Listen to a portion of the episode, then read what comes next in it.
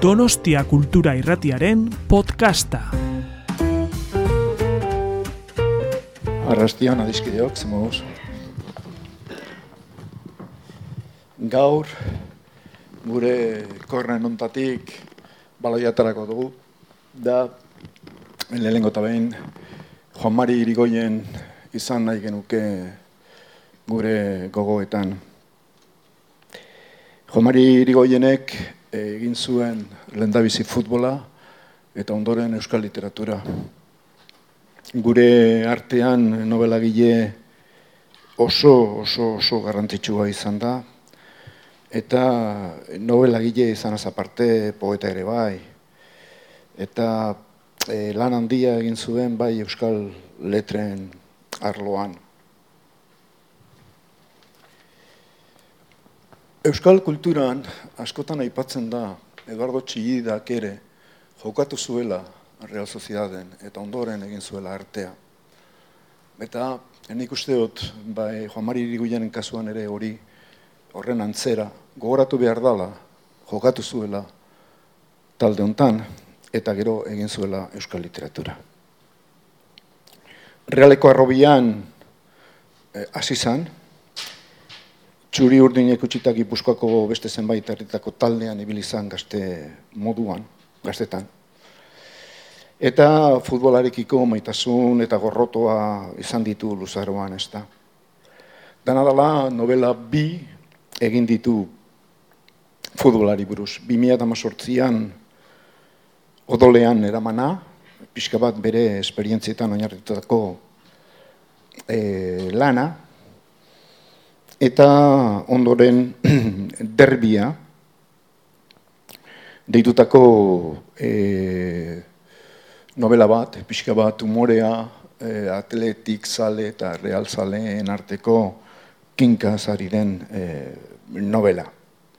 Beraz, hasi aurretik gora ekarri nahi dugu Jomari Irigoyen eta gogora bere, gogoratu bere lana. Jomari Irigoyenen e, testu txiki bat irakorri nahi nuke, momentu batetan, elkarrizketa batetan galdetu zioten zer da hitza zuretzat. Eta erantzun zuen niretzat hitza, bizitzari forma ematen dion zerbait duk. Idatziko banu, esango nikek, bizi nauk, baina zeukea etxerik, formarik ez dudalako. Baina idazten dudanean, neure etxea ikusten diat. Eta iruditzen zaida kala dela, igual ametzeskua izango duk, eta ilusio hori bizi diat. Ilusio horren aterpean bizi nauk. Itza bizitzari forma ematen dion zerbaituk. Orain, Jomari Lekuan ezagutu zuen Andoni Iraola jaunak du hitza, eta berak e, berriro Jomari Goinenen omenez hitz batzuk esango ditu. Bueno, eskerrik asko. Bueno, guretzat, azteko gore bada, kornarren zuek hemen jasotzea, beraz, eskerrik asko, gaur gurekin izagateatik. E, aur, aurtengoa da, kornarren seigarren edizioa. E, lehenengo edizioaren lehenengo ekitaldia, izan zan Juan Mari Irigoieni hemen egin genion omenaldi bat. Juan Mari Irigoienek guretzat, e, ordezkatzen du guretzat korner izan nahi duen hori. E, futbola eta kulturaren arteko gurutze bide bat. Ez da beti, e, esan nahi dugu futbola eta kultura beti askotan ikusi izan direla, inoiz elkartzen ez diren bi, bi, bi bide bezala. Ez da, orduan, kornerrean hor elkartzen dira futboleko bi, bi linea, bi dimensio, hori izan nahi du korner. Beraz, Joamarik errepresentatzen du kornerren espiritua inoiz, inork baino hobeto, ezta? Eta guretzat hori bada ere, e, jonek esan du, ezta? Txilida, futboletik artera pasatzea, kulturara. Eta Joamarik ere bide berdina egitea. Joamari oso gizon berezia izan zen. Idaz leona, baina futbolari ona ere bai. Oso ona gainera.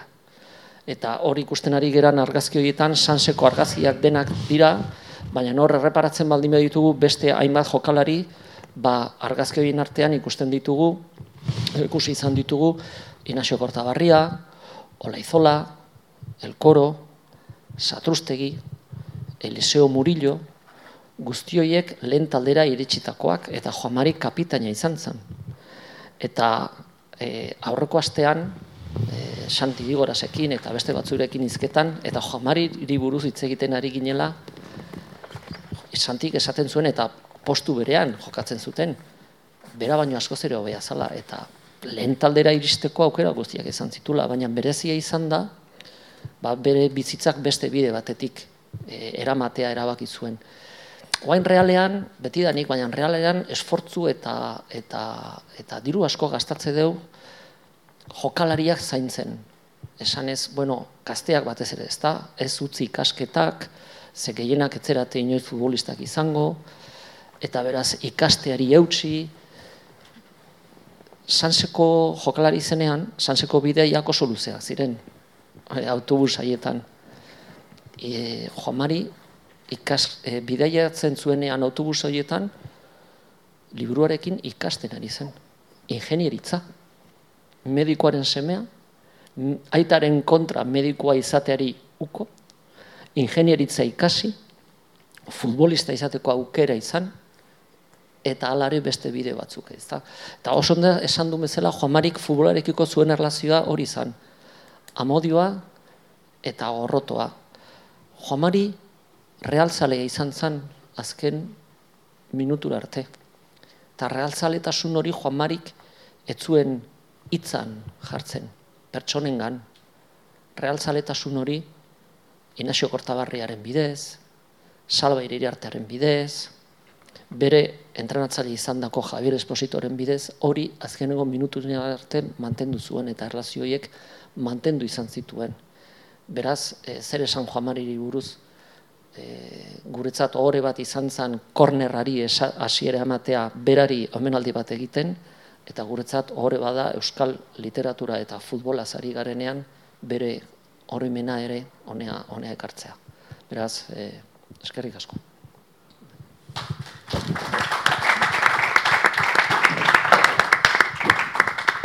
Eskerrik asko. E, bueno, hasiko dugu gure partidua, jakin godo zuen ez, laro eta mar minutu egongo gara hemen, eta partida maitu arte. Bueno, nire eskerrean, eh, Carmele Jaio eta Arkaitzkano, bueno, eurak seguruenik nik baino, ni baino gehiago ezagutuko dozu ez. Eh, Karmele jaiok e, ipuiak idatzi ditu, zu bezain haul. Et, be, barraiten dugu ze, beti errakuntza batekin agertzen da. Zu bezain azul, baina ez zu bezain haul. Eta gero novela gilea ere bada. Eta e, amaren eskuak e, lan egin du. Eta, bueno, futbola dela eta Bueno, hasiko naiz, hasiko naiz etxeko propaganda egiten. Futbola dela eta Corner honek atara ditu ipuiak, hain zuzen ere literatura eta futbola bilduz, eta urdin gorri deitutako uh, ipuin liburutxontan badago zarit gorrotxate giren uh, ipui bat, euskeraz eta galderregeraren besti ipui bat, gazteleraz.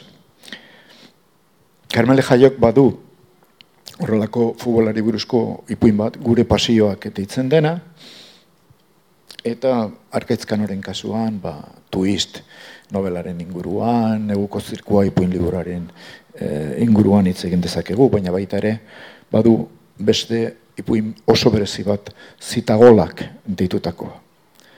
Dena dela, e, iruroi, asko gustatzen jakuna da, Ander Izagirreren, mi abuela, y diez más, saiakera realaren inguruan. Orduan, eh, Carmelerekin hasiko naz, eh, bueno, ez dakit, bazen nuen eh, Juan Mari Irigoyen buruzko kasualidades, biek esaldi berbera apuntatua, eta hortik hasiko gara berriro, omenaldiari azken txampa emanez. Bai, kaixo, arratzaleon. Ba, kasualidadea izan da, bai. E, e, nik bintzat ez, ez, neuk, ez neukan prestatuta Juan Mari buruz hitz egiteko, baizik eta gaiari buruz e, hitz egiteko, eta ba, badago esaldi bat e, Juan Marik e, e, ipatu idatzitakoa, e, da, denbora e, partid, futbol partido batez ari da, eta esaten du, denbora mistiko sakratu bat bezala deskribatzen du e, futbol partidua, ez? Eta, bueno, kasualidadea izan da, ba, biok e, izan dugula ba, apuntatuta e, esaldi bera, ez? E, Juan Mariz ari garen, garenez, nik, e, bueno, e, esan, e, bueno, ba, denok sentitu genuela asko bere bere eriotzan anekdota bat daukat Juan Marirekin gainera artikulu bat idatzi nuen gero horrekin e, e, erakusten duela nolakoa zan, ez? Ezan duzu e, jokalari ona idazle ona pertsona berezia eta e, argia, argia zuen pertsona bat, ez? E, e, duela urte asko durangoko azoka batean e, bazkaltzetik entozen, e, zenbait bueno, idazle batzuk eta editorea, eta bar, eta halako batean egun ilun batzan, eta menditontorrean, e, batean egusiak jotzen zuen, eta ikusten zen tontorra, ez? Eta halako batean, e, kontrolatu ginen, bio geundela, besteak berbetan zeuden, eta bio geundela tontorrari begira, eta halako batean zan zian, zuk ere ikusi duzu, eta, bueno, e, hortik aurrera, ba, idazten genionean elkarri, eta, abar, ba, beti gogoratzen genuen hori. Eta azkenengo durangoko azokan, e, oraingoan, justu, e, azokarantz nindoan, eta ikusi nuen, ez, aizain egun hartan bezala, baina eguzkiak jotzen zuela bertan, atara nion argazki bat, eta Juan Mariri bidali nion, eta bere erantzuna izan zen, gu beti argira begira, ez? Eta bere izateko moduaren, ez dakit, deskribapen oso, oso, oso nadela uste dut, ez? Eta, bueno, ez dakit, Juan Mariri buruz ere zerbait egiten. Bai, bueno, eh, arratsaldeo niri, pena ematen dit ez ikusi izana Juan Mari futbolean jolasten. Ze, idazten zuen bezala idatzita, kuriosidade handia sortzen dit, ez, eh, norbait esaten da, ez futbol, futbolak badaukala zerbait narratiboa eta zerbait poetikoa, ez. Poetikoa, bueno, ba, jokoa batez ere individualismoarekin lotzen denean eta ba, berez golaren pragmatismo ertxitik aratagoko filigranak egiten direnean, eh, xogo bonito, deitu nahi duzuen bezala, os badago zerbait poetikoa futbolean, eta gero dago, ba, hau, ez dezaguna zu partido bat dena, eta irabazi egin behar dela, ez da hori ja prosa da, prosa da konstantzia, eta segi aurrera, eta insistitu, eta ez daukat egun monon, ba, baina berdin da, eta hori izango litzateke narratioa, ez? Eta Juan Marik biak egiten zituen ez literaturan prosa zein poesia. Kuriosidadea handia pizten zait nola jokatuko ote zukeen, ez gero andonik egar bada zer egia jakingo du eta kontatu beharko digu. Eh? Egia da, eh, argia serio nor baizela, ez? ez bakarrik argira begira, bizik, ba, ondut behin handu lertxundirekin gu oso gaztea ginen orduan, eta esaten zuen eh, handu lertxundi eta gazte kuadrilla batekin, eta esan zigun handuri esaten zion eh, Juan Marik, gazte hauek eh, begietan brilloa zeukatek eta handuk esan zion, hori hiri ez dik inork kenduko eta egia da, ez, ole, e, eskuzabala zen, eta bazen zer persona bat pixkate e, edo zein kontestutan e, zerbait e, luminosoa transmititzen zuen, ez, e, aldortatik oso edera, bera ezagutu izana. Hasiko gara ba, e, literatura eta futbolari buruz hitz egiten, hasiak gara ja. E, momentu batetan esan da badirudiela biak, esparru biak oso bananduta direla, baina bai Karmeleren kasuan, eta bai Arkaitzen kasuan gehiago. E, biak elkartuta agertzen dira, ez? Edo behintzat hori gure pasioak behintzat idatzi zen du. Bai, ipuina hartan, nik uste dut, bueno, niri futbolaz e, gehien e, erakartzen hauena edo interesatzen zaidana da sortarazten duen pasioa, ez? Edo emozioak, ez? Nola den posible, e, jo, kirol batekin e, e, olako pasioak e, pistea, ez? Jendea negarrez, jendea oiuka, jendea barreska, e, e, ba, taldeak irabazi edo galdu horren arabera e, oso gaizki egon edo, edo oso pozik egon, horrek horrek e, hori interesatzen zait, ez? Eta, eta lipuin horretan ere nolabait galdera badago, ez nola egin, hor badago idazle bat, nola egin, e, pasio hori, emozio hori, e, baloi batek edo joko batek sortzen duen emozio hori literaturara e, e, eramatea eta nola egin daitekin hori hori daukaburuan e, e, e, ipuin horretako protagonistak, ez? Eta, bueno, nire buruare galitzen diot, ba, e, pasio hori nundik nola, ez? Eta ez dela berez gauza e, natural bat sortzen dela dena horrela, ez? Badela entrenamendu baten e, emaitza, ez? Nola baita, ez? Badala e, futbolzalea e, e, egin egiten dela, ez, da, ez dela jaiotzen, Simon de Beauvoirrek esan den zuen bezala, ez dela jaiotzen egin egiten dela, ez? Eta egiten dela e, e, gizarte batean nolabait badela, ba, ba, gizarte baten produktu soziokultural bat, eta, eta oso gaztetatik e, e, sortzen den zerbait. Eta haurtzaroarekin, lehen ere berbetan egon gara, zelako nola sortzen den e, haurtzarotik, ez? E, nik, e, horregatik uste dut dela hain efektiboa, ez? E, hasi e, ba, eskolako patioan e, e, futbol zelaiak duen zentralidadetik, e, edo, edo mutiko bat, ez? E, horre ere, arrakala handia dago futbolean, e, txikitatik e, aitona gerosten dion lehen opari e, importanteena da e, taldeko elastikoa edo kamiseta. E, bueno, ba, badago hor txikitatik ikasitako, jasotako zerbait, eta e, ba, bueno, ba, hortik e, zalea edo zaletasuna ba, hortik e, sortzen da, ez? Duela gutxi e, nire lagun batekin berbetan, berro eta mar urte edo berro eta maika, amabi, ezagit, hortik ditu, gizona, eta berak izaten zidan, oraindik ere, e, berro eta amabi urtekin, nire ametza askotan amesten dut, e, e, zamamezera irtetzen aizela, e, kamisetarekin eta jendea txaloka, eta oraindik ere e, ametz hori daukat buruan, ez? Beraz, eh, zan nahi dut, eh, ze txertatua dagoen, eh, ze entrenamendua izan dugu txikitatik zaletasun hori eh, sortzeko, ez?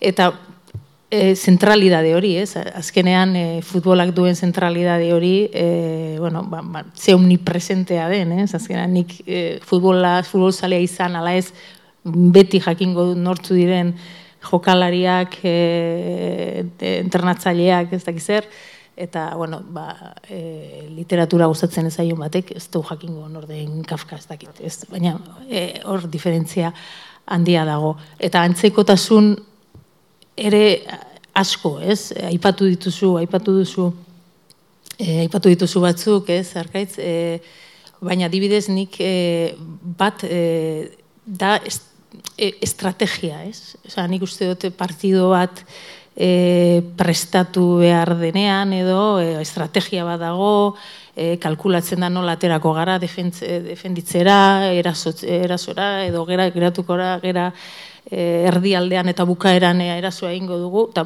berdin-berdin literaturan estrategia bat dago, ez? Ez de, e, idatzi, idazten hasi baino lehen, e, bueno, ba, gure buruan badaukagu estrategia bat nola hasiko garen e, e, idazten, ez? Eta beste bat da e, errelatoa, osea azkenean nik uste dute partido bat da kontakizun bat, da ipuin bat, da ia, ia fikzioa eta realitatea nazten den e, bueno, espazio bat, ez? Eta bere izkera bereziarekin, eta bar, osea, badaude hor e, antzekotasun asko, e, bueno, estetika, esan duzuna, bueno, epika ere esango nuke, bueno, jarraituko dugu e, berbetan ez, baina badaude antzikotasun asko e, bien artean ez, naiz eta lehen e, alakoan e, pentsatu ez ez, ez? E, Arkaizeri tokatzeiako, baina txau, momentu txu bat, ze, egia esan gure pasioak ipuia, ikaragarri gustatzen jata, ze eskematetan, hor bai ustartzen direla literatura eta futbola ipuiaren hasieran zenarra da futbolzalea, eta emaztea da literaturzalea. Eta ipuia bukatzen denean zenarra da literaturzalea, eta emaztea futbolzalea. Bai, bi pasioak nora bai nahazten dira eta ba, e, trukatzen dira. Bai, bai, bai literatura eta futbola batera doaz. Alkait, zure kasuan, zer gaitik hasi zinen idazten? Hor badituzu hiru lau ipui, eta ganera gero twisten, uh, itxi duzu, pasarte bat, e, aukeratzen eta novela barruan zegoen pasarte bat ipuin bihurtzen.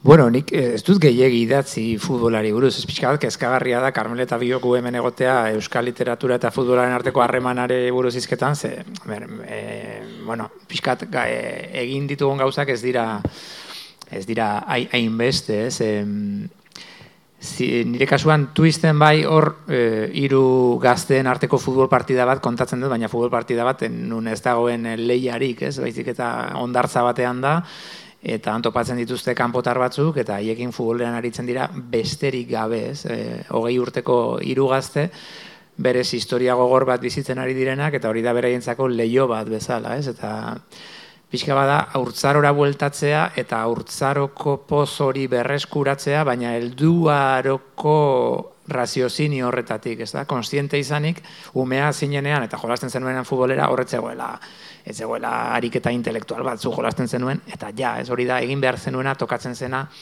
egin guru guztian egiten zena, eta e, impulso bat zen, kasik, ez? Futbolera jolastea gure aurtzaroan, egia da, azten zaren egiten, e, literatura, literaturarizatzen azten zenean futbola, pues egia da, Carmelek esan duena, ez?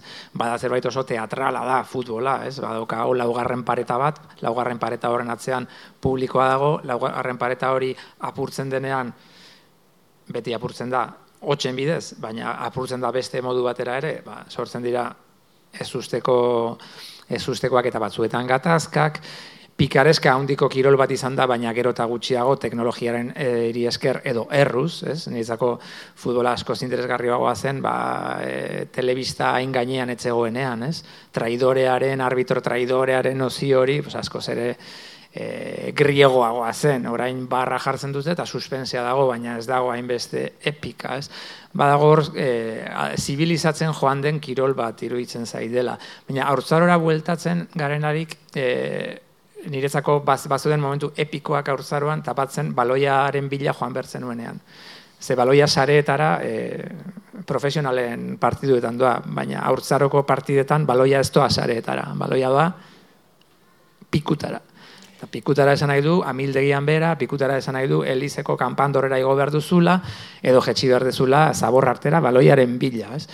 Eta hor bazegoen e, momentu bat, e, esat, nor joango da baloiaren bila. Eta baloiaren bila joatean nire kasuan zen Ulisesen e, epopeia bat zen, ze jetxi behar zen, e, eta benetan e, arroka zikin batzuen artean, eta bar, eta geroto. badaude, momentu batzuk aurtzarokoak, eta beste gauza bat da, e, eskala kontu bat, ez? Futbola, nirezako da, e, ariketa tolesgarri bat. Badago txapekin egiten zenuen futbola, badago futbolina, badago futbola bi motxila edo bi anorakekin porteria bat egin eta edo zein lekutan jokatu dezakezuna, bi biren kontra, bat baten kontra, lau lauren kontra, zuzure buruaren kontra, eta gero badago futbol profesionala, aurrak amesten duena beste eskala batean dagoena. Eta lehenbiziko aldiz hartzen zarenean, estadio batean, eta ikusten duzunean, porteriaren, benetako porteria baten tamaina, hor badago, inozentziaren galera bat, edo batetik multiplikatzen da futbolariarekiko eta atezainarekiko zure miresmena, eta bestetik esaten duzu, hau, orain arteko hau ez da izan zehazki futbol futbola, ez? Hau da, destolesten jarraitzen duen eta beste eskala bat duen zerbait. Eta beste gauza bat, oso polita, e, aurtzarokoa da, arbitrorik ez dagoela aurra zarenean, hor autorregulatu egiten da. Inor ez da arbitroa, jolas garai batean jolasten zunean futbolera, norbaitek erabakitzen du edo eztabaidatzen da penalti den ez den eskuarekin eman diozun edo ez. Eta hor bai zer sortzen da komunidadean e, adostasun txikietara e, lor iristeko gaur egun el, bizikidetza dituko genioke e, dinamika hoietan e, ikasten ikastea. Ez da, gero dago filosofia bat, pues, e, Maradonaren e, jainkoaren eskutik kantonaren oinera doana. Ez? Eta hor bitarte horretan pues, konta daiteke zibilizazioaren historia. Ne, Lehen hau esan duzue, eh, jokalari izan ez gero, eh, postua biek aukeratu dabe berbera. Ze postutan? Atezaina, atezaina aukeratu dugu biok. Baina nik uste badaukala zer ikusia ere e, i, bueno, idazlearen edo begira da horrekin, ez? Kanpotik nolabait munduaren barruan zaude, baina nolabait jokua ere kanpotik begiratzen ari zara, ez? Pertsonaiak aurrean dituzu eta zu pixkat e, begiratzen ari zara e, kanpotik eta gero, mm, ere, ba, atezaina beti da diferentea, ez? Besteekin konparatuta, eta lehen e, arkaitzek ere aipatu du, e, bakardadea, ez? E, atezainaren bakardadea, eta honek ere e, ira, idaztearekin e, zer ikusi handia du, ez? E, idazteak behar duelako e, bakardadea. E, bai ala ez, ez? Behar duzu bakardadea, baina behar duzu baita ere, e, bueno, ba, bakardade horretatik e, mundua begiratzea eta pixkat urrunetik ba, e, e, atezainak egiten duen bezala. Eta beti e, adi, baloia nundik etorriko den, ere e, adi egon behar duzu, ez?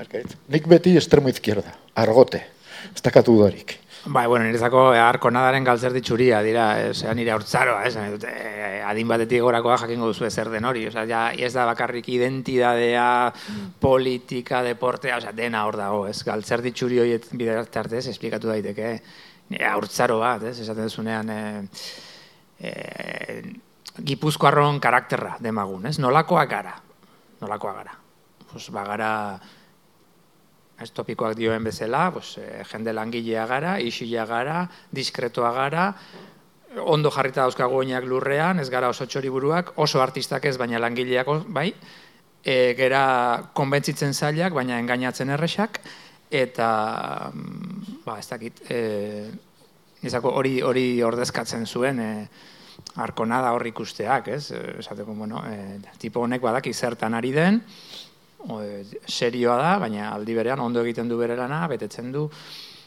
Zaki, nik baneukan ezako erreferente, erreferente bat zen, ez? Eta gero esaten dizuten, ez? Baina zergati dauzka galtzer ditxuria badak izu zergati dauzkan, ez? Eta selekzioarekin jokatzen duen, duen ez, du, ez ditu jartzen galtzer di beltzak bandera espainolarekin eta bar. Eta, eta bueno, sortzen dira ja, ez, futbolarekin batera datozen futbolari erantxita, etortzen zaizkion, hainbeste kontu, ez? Eta, nik galtzerdiekin e, jarraituz, badukat beste anekdota bat, e, etxean e, gustu handiz kontatzen dutena, eta da, ba, nik, bos, 6 sortzi urtekin eskatu nizkiola amonari, selekzio espainoleko e, galtzerdi batzuk, trikotatu zidezazkidan. Zen nik nahi nituen, ikusten nituen, e, nire ez bakarko nada ez, baina besteak ikusten nituen selekzioko galtzerdiekin, eta nire nituen galtzerdi beltzak, eta Espainiako banderarekin, pues, ba, hauek, hauek bezala, ez. Eta orduan, e, etxean, ba, zegoen olako zerbait, bueno, umeak hau nahi du, eta amona pospozik hasi zen trikotatzen, berari bost, asko maiten hau, eta eta hasiko da egiten, ez? Eta orduan, e, eta izeba osabak, esan baina zertan ari zara, ama, ez? E, eta orduan, e, galtzerdi horiek egoten ziren beti desagertu egiten ziren etxean, Osa, nik jasten ditu naturaltasun handiz, baina etxean bakarrik, eta etzidaten usten e, kalera ateratzen, e, galtzerdi horiek, ez da horrazte zera zure burerik galderak egiten, ez? Ja, ze ikusi daukate galtzerdi hauek, e, banderak, e, futbolak, politikak eta kaleak eta etxeak, ez? Zer gertatzen da. Eta e, badago, ba, futbolaren bitartez, hainbat gauza esplikatu daitezkenak, ez da? Gero, garo, gure aurtzaroan nik lehen da berrik astronik hasi nuen lasarten, orduan jolas gara guztietan ni ez egiten genuen, realaren entrenamenduak ikustera eta oso gertu geun delako, ez gaur egun impensablea izango zen, baina gara hartan posible zen iristea jokalarien ganaino, haiek ukitzera, ez? Eta ba, hori leno kontatzen nien, ez? E, nire haurtzaroko une gogoan garrietako bat da, e, elur, elurra egin zuen batean, nola, elur pilotekin, ibili ginen elkarri tiraka haiek entrenatzen ari ziren, eta gu jolas garaian, haiei elur bola botatzen, eta haiek guri bueltan, ez? Etzat, hori zure zu miresten dituzun futbolariekin elur gerra bat egin alizatea, pues hori zaite nahiko historia imbatiblea dela, ez? Eh, no, gero esan dugu bueno, naiz eta urteekin desapego bat sortu futbolarekiko hori hor geratzen da, eh, nunbait, ez dakit, ADN-ean edo. Topiko bat da, ez dagoela novela ondirik futbolari buruz. Gero zinela pasatuko gara baina hori behin eta berriro esaten da. Bueno, hasi gara bat bintzat eh, topiko bat apurtzen. Oso urrun dira futbola eta literatura, zuen kasuan ikustela ez, ez zetz, badagoela hor. Adiskidetasuna, baina novelarena ez. Uh, Ipuin gintzan, beti esaten dugu, hor, Ego Ameriketako idazleak dira honenak, eh, futbolari buruzko gintzan. Egia da, normalean ez da bela hitz egiten futbolari profesionali buruz, badago bat ere beste, baina normalean baita ere futbolari profesionala da, baina ja galdu egin duena, er, eroe desegina dena, horri buruz badira bere burua, bere buruaz beste eh, estadioaren erdian egin zuen jokalariaren historia jakin zuenean, ba, urren urtean ez zuela jarraituko, horrekin hasten da eh, futbol literatura uruguaien usteot, ba, badago, ipuingintzari buruz badago zer esanik, bero bada, baina novelari buruz zaten da ez omen dagoela novela nagusi nagusirik. Agian zer ikusia dauka, e, ez dakit, dagoen edo, edo ez, ez naiz e, e, kritiko zentzu horretan, baina gaiekin, hau da, gaiei ematen zaien garrantziaz, ez? Nik uste dut e, e, obra, edo zein obra, e, prestigioa izateko, edo zein obrak prestigioa izateko ere, e, gaiaren arabera askotan ematen zaio prestigioa edo ez ez? Gai importante batzuk daude eta beste batzuk ez direnak importanteak. Edo gai batzuk dira kasu honetan kultura popularrekoak, beste, beste batzuak, batzuk ba, jasoak. Edo best, gai batzuk daude e, eremu e, domestikokoak eta beste batzuk eremu publikokoak, eremu publikokoak garrantzia dute domestikokoak, ez, ez. Orduan, e, esaten bada hori, nik uste dut ere bada e, gaiarekin zerikusia duela gehiago, e, agian e, ba, obra bat e, baloratzeko orduan e, futbolari buruz e, dela jakinda bakarrik e, e, prestigio hori edo neurketa hori e, berutz joan daitekelako. Ez? Eta hori gertatzen da, ba ez futbol, futbolarekin bakarrik esan bezala ba beste e, gai batzuekin ere, ez? ez adi, esan dudan bezala adibidez, e, gai domestikoekin e, bueno, kontatzen denean gai domestiko bat badirudi ez dela hain importantea e, ba, gerra baten e, bate gizon batek egin duen ez dakiz zer kontatzea baino, ez? Ba, nik uste dut e, bueno, bal, balorazio hori hortik datorrela gehiago, e, gaiaren gatik, ez gaiarekin egin dena, e, egin den obra gatik, ez? Obraren kalitatea gatik, ez? Egia da, eta nik zabalduko nuke hori kirolera. Ze, azten bazara pentsatzen, ze novela, ze novela dago kirola zentrala den novela magistralik badago, zein? Neri buruatzen zai bakarrik bat, da, xake novela. Stefan Zweigena, xakean kiroltzat hartzen badugu, bueno, ez daguna hori ez da baiatzeko, baina e, estatu batuetan idazle askok idatzi dute beisbolari buruz, beraien berai daukaten kirol ulerte hori, baina ez nuke esango novela horietako bakar bat ere e, esportagarria denik maixulan baten e, neurrian e, mundura e, hortik kontestu horretatik kanpo, ez? Behar bada, salbuespenetako bateak, boxeoa. Boxeoa, Boxeoari buruzko ipuin asko daude. Da. Ipuin asko daude edo... E, bizikleta ere bai, batzutan. Bizikleta ere bai, baina pixka gutxiago. Bai. Eta egia da, badirela... E, Karo, boxeoa bai da galtzailearen epika horren, ez, oso oso gertutik, oso individualistagoa da baita ere, azkenean Bai, bakarra. Bi borrokalari dira, bai, eta bai, baten historia kontatuko duzu, edo biena paraleloan horrek errasten du narratiba ere, ez? Amaika amaitakaren kontrako narratiba bat, ala simplifikatu behar duzu asko. Un, zeri helduko diozu, ze kontatuko duzu, nola. E, komplejoagoa litzatekela, mm. egituraldetik futbolaren arima kapturatuko luke novela bat, eta aldi berean, literarioki, izango dena, ez, ambiziosoa eta efektiboa.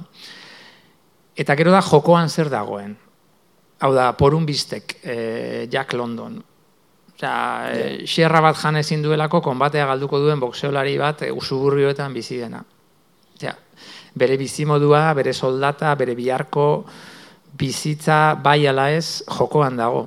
Futbolari baten kasuan, zergatik ego Amerikarrak gustatzen zaizkigu gehiago dutelako jokoan, e, zoramen handiago bat ez bizi dutelako futbola modu religioz aratagoko batean, eta askotan direlako jokalari pobreak, benetan pobreak, futbolearen bitartez lortzen dutenak bizibide bat, redentzio bat, eta behar bara bere klase sozial lari ez dagokion eskalada bat, ez? Esatea, e, eta hori oso literarioa da baita ere. Eta badago klase herrikoietan oso txertatua dagoen zerbait, ba, futbolak bitartez asko dagoela jokoan. Eta nire ustez, Europako futbolean kontatzea historio bat nun protagonistak asko duen jokoan, ez da honren erraxa, edo, edo behar bada ez, ez nahikoa saiatu, ez dakit hori da nire, nire impresioa. Egia da, barkatu, eh? E, kirolari, oza, kirol guztietara e, zabaltzen dut, edo gehienetara, e, adibide bat etorri zaitere orain duela urte batzuk e, gomendatu zian, Juan Jose Milasek gomendatuta gainera, e, Andrea Gaziren memoriak, eta daude ah, bai, oso oso ondo bai. idatziak, eta baina badirudi, ez dakit, kirolari baten e, bizitza, eta berez e, nik gomendatu ezean nik nuke e, eskuratuko, ez, edo irakurriko eta irakurri dut, eta iruditu zait, e, bueno, izugarria, e, memoria batzuk oso oso ondo idatziak, ez? Noski berak, berak idatziak ez, ez? Norbaitek idatziak. baina, baina oso oso idatzia, baina kirola denez, ba, badirudi, ez daukala alako, bueno, prestigio hori, ez? Eh, Ipuiaren, eski pentsatzen dut kasu askotan, jokalari buruz, baino gehiago salei buruz idazten dela, ez da? Bueno, nik pixkatxu bat ezagutzen dut Eduardo Satxeriren narratiba. Da berak esaten du, bueno, futbolari, futbolari buruz idazten dut beti ere, bizitzan garantitxuak diren gai buruz hitz egiteko. Baina berriro, ez dago eh, izarra den jokalari bat hor kontatua. Kontatuta dagoz, edo aurrak jolasten, edo saleak, ez. Saleen gaia eta zuen kasuan bere saleak dira, zuen eh, lan narratiboetan agertu diren pertsonaiak, ez. Agian pasioa, gazio handien ahorra ikusten dugulako, edo... Bai, bai, debaldeko pasioa beste bai, alde batetik, bai, ez? Bai, debaldeko pasioa. Eh, penaltiak, arkaitz. penaltiak. Zure lan baten e, gaia nagusia da, ez, penaltien gaia. Claro, penaltiak lehen eh, estrategia buruz itzen zen Carmen, eta egia da hor badagoela, ez? E, nik badakit nora botatzen dituzun penaltiak, baina zuk badakizu nik badaki dela nora botatzen dizu beratia, bera zer. E, nora botako duzu, eskerrera, eskuinera, zanetzako e, dikotomia hori ikaragarria da, ez? E, eta ikaragarria da, baita ere, ze gutxitan geratzen den porteroa geldirik. Nik ez dakit, e, zeraten zu batzutan, ez dakit ze porcentaje erditik sartzen dituzten golak, ez? Orduan, nire artean metxatzen dut, ba, igual hobeda geldirik geratzea, ez? Noizean behin, ze porteroak beti ikusten dituzu, batean edo bestera, baina ezker eskubi hautatzen dute. Eta batzuetan erditik doa baloia. Odan, badago penaltiaren claro, e, penaltiaren iz, izena bera, ez nola ditzen zaion. Osea, da, hila labiziko zerbait da penaltia. Eta bada zerbait adiktiboa, suspensea sortzen duena, eta aldi berean, e, penaltiarekin bateran ezako tragikoena futbolean da e, autogola, ez? Edo zure atean gola sartzen duzunean.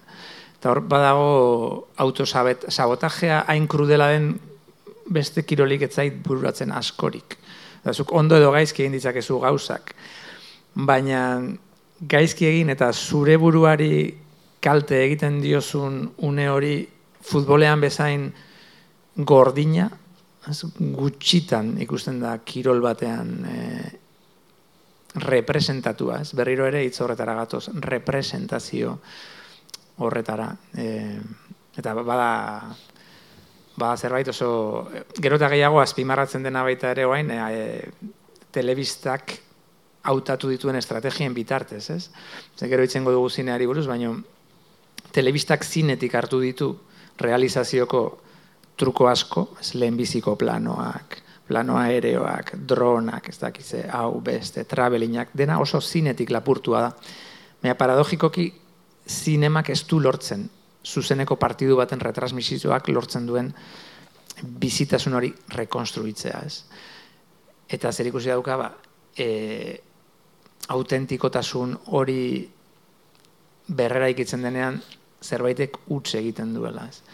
Eta aldiz, e, lenguaje cinematografiko batekin, paradogikoki, bai lortzen da, telebista izan dadin, oso suspense sortzaiez, pon eta penaltitan orain ez, dena jartzen dira elkarrekin, hori ere nahiko berria da, ez? Eta hori nola, nola retransmititzen den. E, Osea, nola, nola futbolak berez baduen suspense horri eranzten zaizkion suspenseak, eta nola denbora ere egiten den, e, hori da tek, e, oraingo teknologiarekin galtzen ari dena, lehen denbora malguagoa zen futbolean, zuketzen ekin arbitroak noiz bukatuko zuen partida, eta hor bat zegoen prerrogatiba bat arbitroak zeukana, oso askoz ere dra, dramatikoagoa edo efekt, narratiboki efektiboagoa zelako, zela efek, e, azarosoagoa zelako.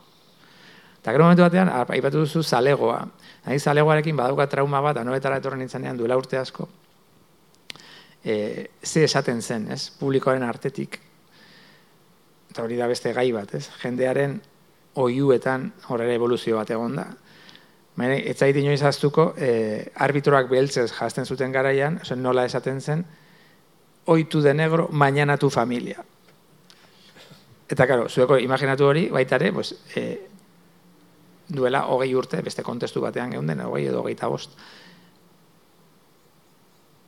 Eta esaten duzu, claro, hori, ikustea, ez dakizen mila pertsona, hori oiukatzen, orain dikan ere gatazka armatu bat dagoen herri batean gainera, ez? Garai hortan, ja, niretzako izan zen, hori, gogoratzeko moduko zerbait e, beti, ez? Eta gero, nola frivolizatzen zen horrekin.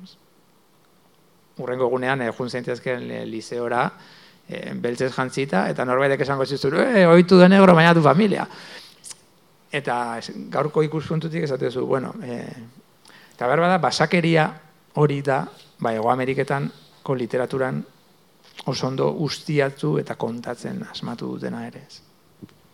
Bueno, bide erresa jarri diate, orduan orain zinema. Eh, badago libru oso polit bat, Barullo en el área deitzen dena, da hor kontatzen dira berro eta mabost pelikula futbolari buruz.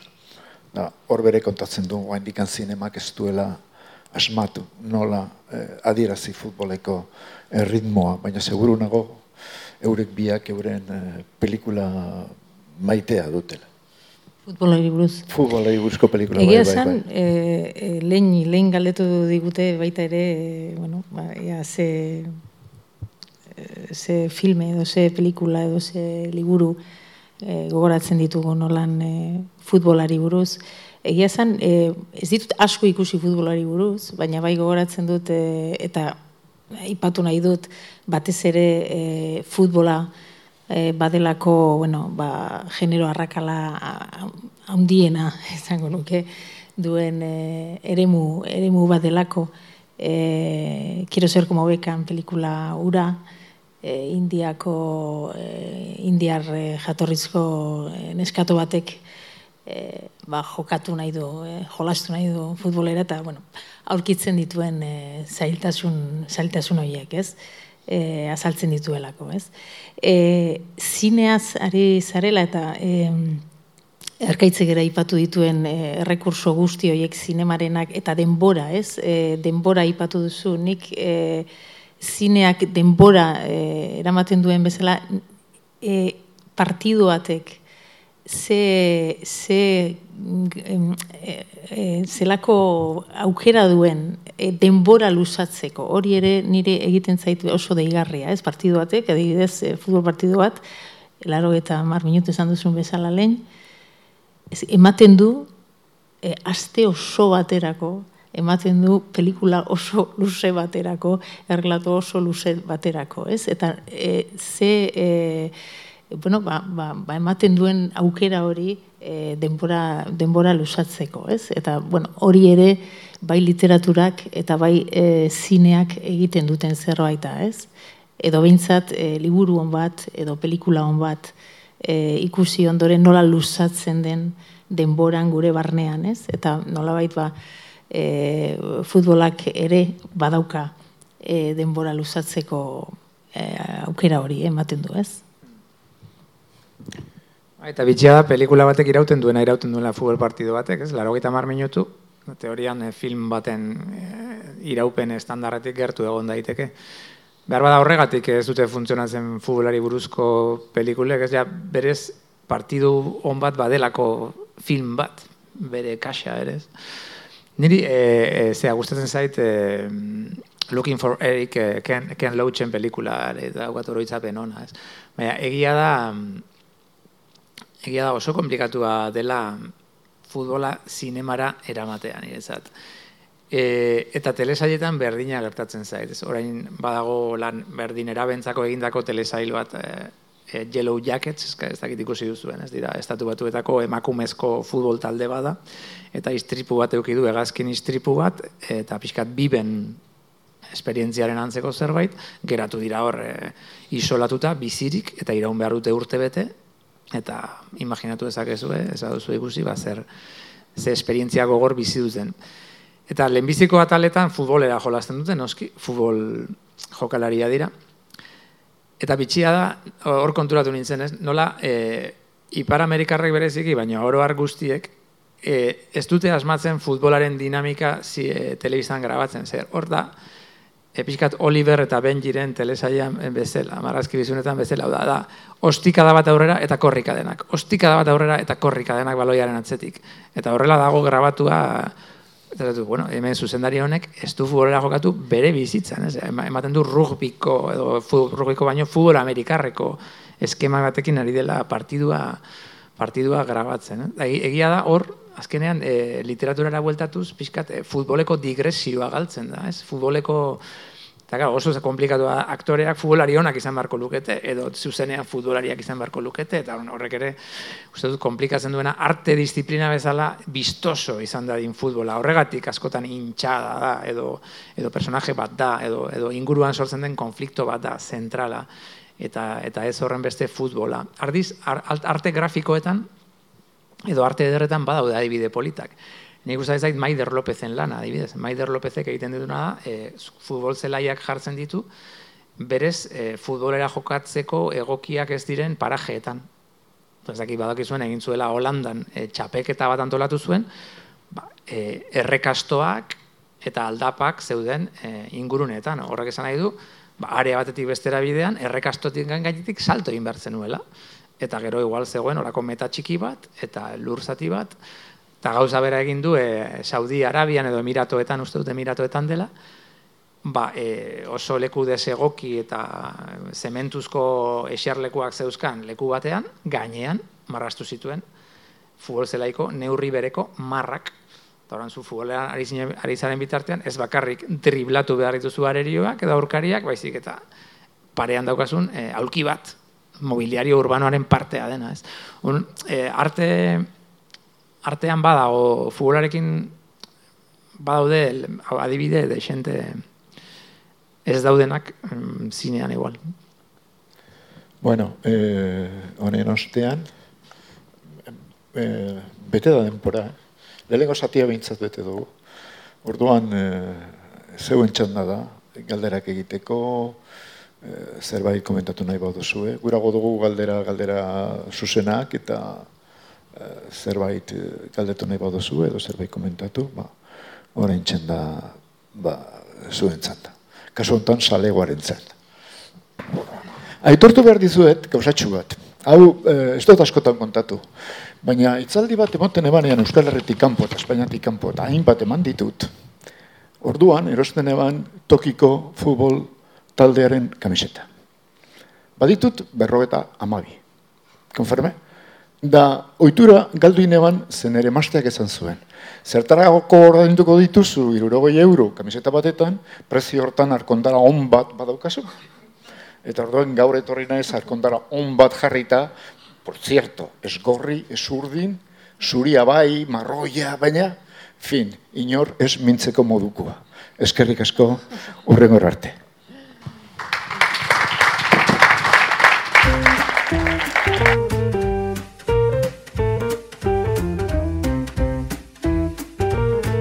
Donostia Kultura Irratiaren podcasta.